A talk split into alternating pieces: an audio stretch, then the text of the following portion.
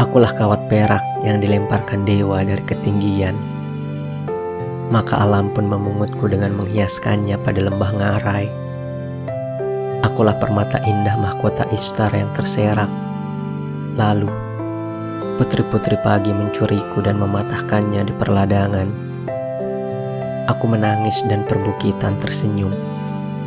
Aku merendah dan bunga-bunga pun meninggi. Awan dan ladang adalah sepasang kekasih, sedangkan aku berada di antara keduanya sebagai duta pengabul hasrat.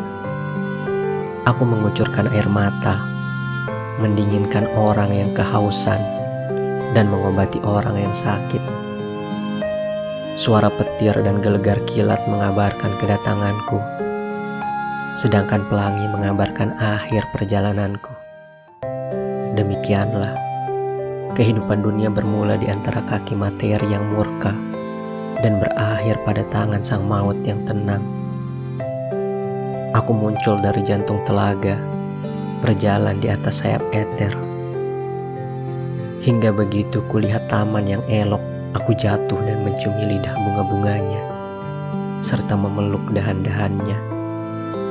Dalam kesunyian, ujung-ujung jentikku yang lembut mengetuk kaca jendela Ketukan itu kemudian menjadi nyanyian yang dimengerti oleh jiwa-jiwa yang perasa.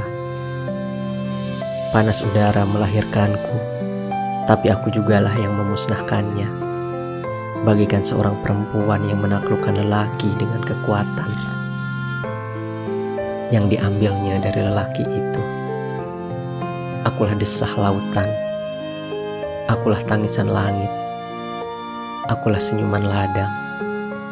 Demikianlah, cinta adalah desahan dari lautan perasaan, air mata dari langit permenungan, dan senyuman dari perladangan sukma.